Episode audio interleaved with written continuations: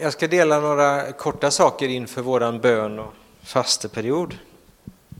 Står här i solen, vad fint. Igår var det så skönt. Jag var ute och lyfte stenar i trädgården och jag alldeles mör i hela kroppen idag så det känns att man lever.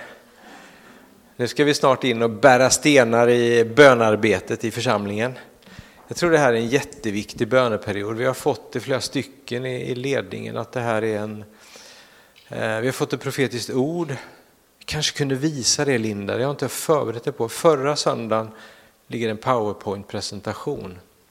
Kanske ska ta det igen. Eh, men vi tror att det här, är, det här är en viktig böneperiod, att vi går in i bön, för det finns flera det är en viktig tid vi lever i och eh, det finns, eh, det finns en känsla lite grann, många, många församlingar upplever det här på något sätt, att efter covid så har det det liksom, det, det, det, alla har inte riktigt kommit tillbaka och, och, man har inte riktigt hittat ut igen på något sätt. Och, och jag tror att det finns eh, någonting att fortsätta i det. Jag tror för oss som församling också att be för de olika saker vi finns i, att vi får ta det vidare nästa steg. Eh, och det gäller på ledarskap på olika nivåer. Vi kan ju, jag menar, vi har, Anders leder ju församlingen här idag och Anders har egentligen sagt att jag gör det under ett och ett halvt år till någonting. Sen, sen, eh, så. Det är vad han har sagt. Så det här är någonting för oss som församling också börja be in i. Hur gör vi sen? Vi har ju ett pastorsteam och, och det är väl inte så att alla bara försvinner om inte Jesus kommer tillbaka. Då försvinner förhoppningsvis fler än bara pastorsteamet. Men, nej. Nej, men det finns, ju, det finns ju ett ledarskap kvar, det är inte så jag menar. Men det finns, det finns saker som behöver tas vidare. Och det, vet du, saker händer inte riktigt bara av sig själv. Ja, Gud gör det ju, men han behöver medarbetare. Är du med? Så är det. Och därför tror jag den här perioden är viktig. Eh, och då, jag ska prata både, både om personlig bön lite grann här nu kort och den gemensamma bönen. Men jag skulle bara vilja säga så här också först att om man pratar om andens frukt till exempel. Kommer den av sig själv eller behöver vi göra någonting för att den ska komma? Elin räcker upp handen. Måste vi göra något? Vad måste vi göra då? då? Plantera. Ja, men det, här, det här är uppenbarelse. Hon säger så här att man måste plantera. Jo men så här va, vi tar det här. Det här är, liksom, det här är bilden jag vill liksom plantera in i dig idag. I början, vi säger så här, vi kan inte göra någonting för andens frukt för den liksom, frukten bara kommer, eller hur? Skörden bara kommer för det är Gud som ger växten. Men det är ju också någon som behöver plantera och vattna. Eller hur? Och det här är så här, vi kan inte ge växt, när vi försöker ge växten, alltså försöker vi helga oss själva så blir det ganska tokigt. Va? Det är Gud som ger våran tillväxt som människor, det kan vi inte. Vi kan inte ta oss frälsningen, det är inte det jag säger. Liksom. Det är bara Gud som kan ge det. Men vi själva har ett val att sätta oss i de situationer där vi tar oss vidare. Så i våra liv, så vad är det att vattna, vad är det att så, vad är det att liksom sköta om? Jo, det är ju det, är det som Gud har lagt på oss i vårt förvaltarskap. På samma sätt som Gud sa att vi ska råda över, över den här jorden och, och så här växter och, och djur, så har Gud också satt oss i ett förvaltarskap i våra liv. Om vi inte utsätter oss för de tillfällen där Gud rör vid oss, stillar oss ibland, läser ordet ibland, gör de här sakerna, så kommer ju inte frukten. Eller hur? Är vi överandliga så tänker vi, jag kan leva halabaloo liksom och det bara blir helgad och fin sådär va. Är vi underandliga så liksom går vi och liksom försöker skärpa till oss och, och så här va. Nej men det finns en sund väg i mitten som är att, ja men jag, jag gör det jag behöver göra för att det ska hamna på rätt ställe. Jag får bäst att gå vidare. Så därför tänker vi så här, den här fastan och böneperioden, är en tid av bön. Om du fastar eller inte, det får du bestämma själv. Det, det, det kommer vissa att göra, vissa kanske inte gör det. Och det är lite vad man har för vana. Och så så häng, in, häng inte upp dig på ordet fasta. Utan tänk så här, nu fram till påsk kommer en böneperiod. Och vi fick det här profetiska ordet. Vänd om mina barn.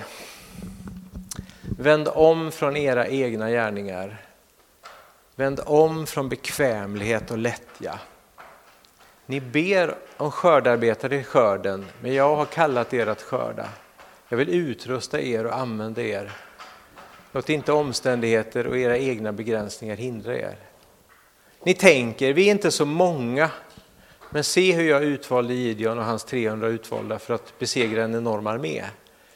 Det är inte genom er egen styrka och kraft ni ska utföra mitt verk, utan det ska ske genom min ande. Jag vill ha lärjungar som följer och lyder mig. Då ska ni få se en förvandlad stad och många människor som vänder om till mig. Så lägg av allt som hindrar, tro på mig och frukta inte människor utan frukta mig. Så vad vi fick till oss var att använda det här ordet som grund för bönen. Att pröva på det sättet pröva den profetian.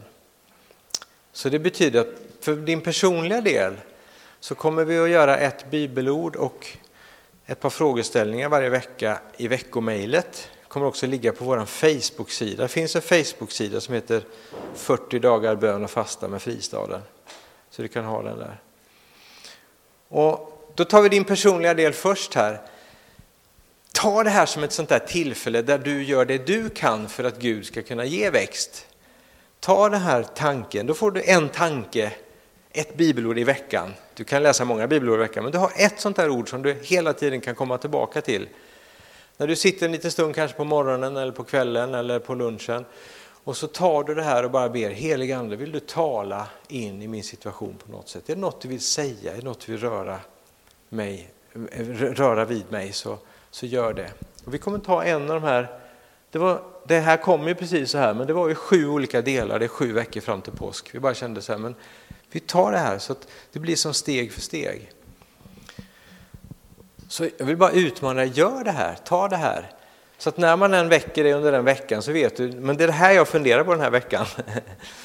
Jag vänd, den här första veckan då, sen, jag vände mig om i mitt barnaskap till Gud.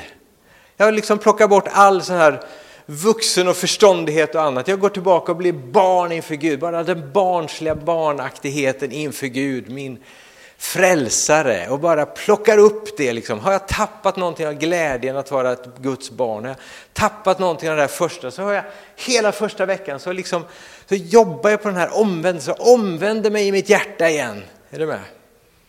Då kanske inte jag står där och liksom predikar så här inför dig.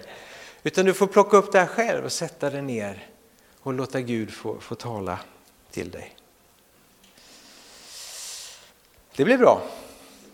För vi tror att det som Gud gör i våra liv, det gör han också i församlingen och det går växelverkan. Vi ska läsa två bibelord. Gå in på det här med fasta lite mer. Matteus 6, 16-18. Jag ska läsa för det, det står så här. När ni fastar, visa då inte upp er för andra som hycklare som ser dystra och ovårdade ut bara för att folk ska lägga märke till att de fastar. Sannerligen säger jag er, de har redan fått ut sin lön. Nej, när du fastar ska du sköta ditt hår, tvätta dig som vanligt. Låt fastan vara en hemlighet mellan dig och din fader i himlen. Han vet allt och ska belöna dig. Fasta i Bibeln är en vana Fastar gör man i Bibeln. Jesus säger när ni fastar. Han säger inte om ni fastar. Det, det är ett privilegium vi har att vi, vi, kan få fasta. Vad gör fastan i våra liv? Jo, det gör att vi, vi avstår från någonting av det mest elementära, att käka. För att säga att ja, men Gud, det är faktiskt du som är mitt bröd mer än min mat.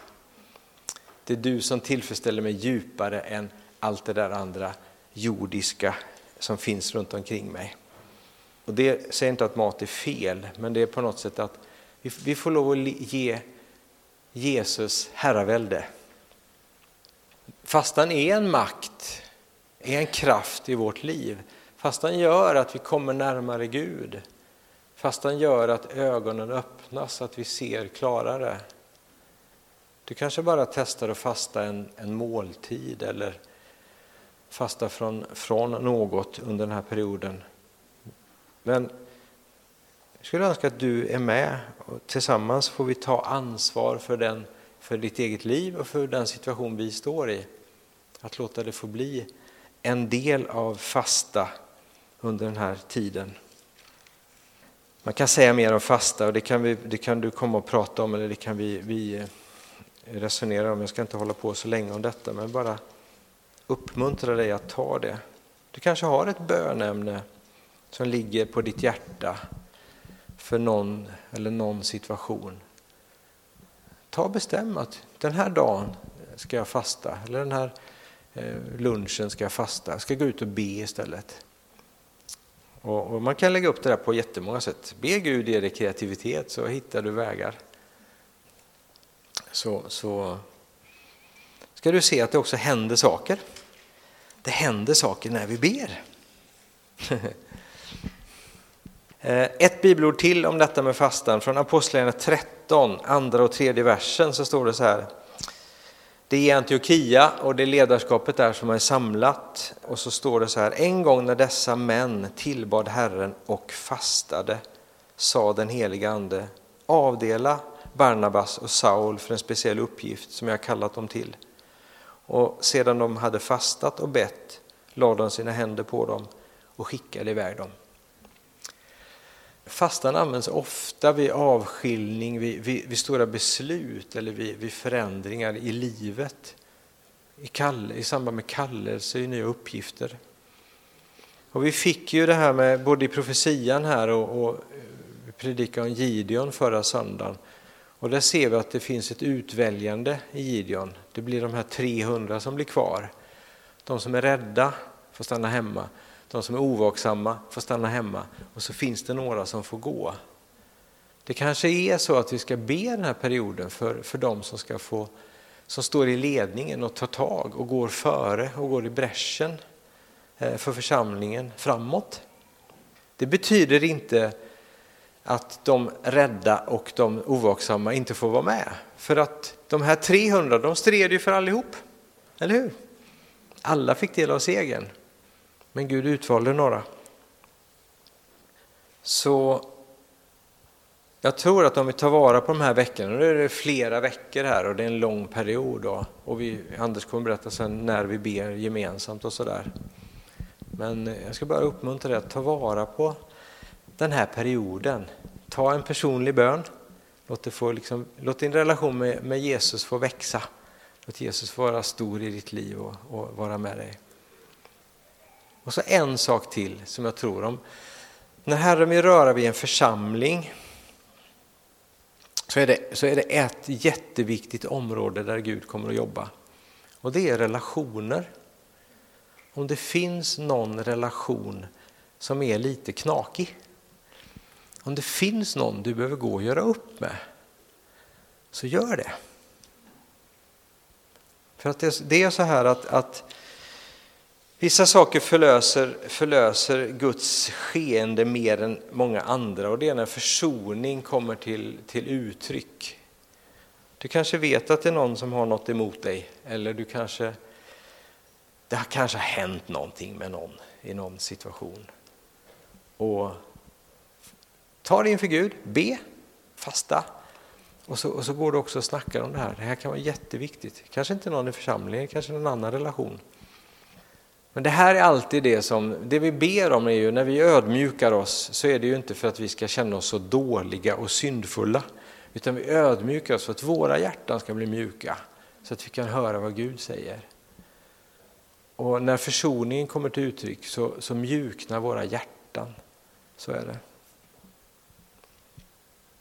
Så här, vi tackar dig för bönen och fastan, Herre. Jag ber för, för vår personliga bön, att vi får får uppleva det som stora delar av din kyrka över hela världen upplever att fastan och böneperioden är, är en, ett, en renande, en vårstädning, en, en tid att slänga ut den gamla surdegen, Herre, och, och, och låta det få komma nytt, nytt bröd, Herre.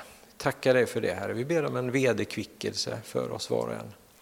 Vi ber också för de steg vi står i som församling, att vi ska få ta de steg vi ska ta, att vi ska involvera eh, så många som möjligt, Herre, att det får bli en gemensam bön som vi ber. Herre, vi, ber, vi bara lägger det här inför dig. Vi säger kom heligande och hjälp oss under den här perioden. I Jesu namn. Amen.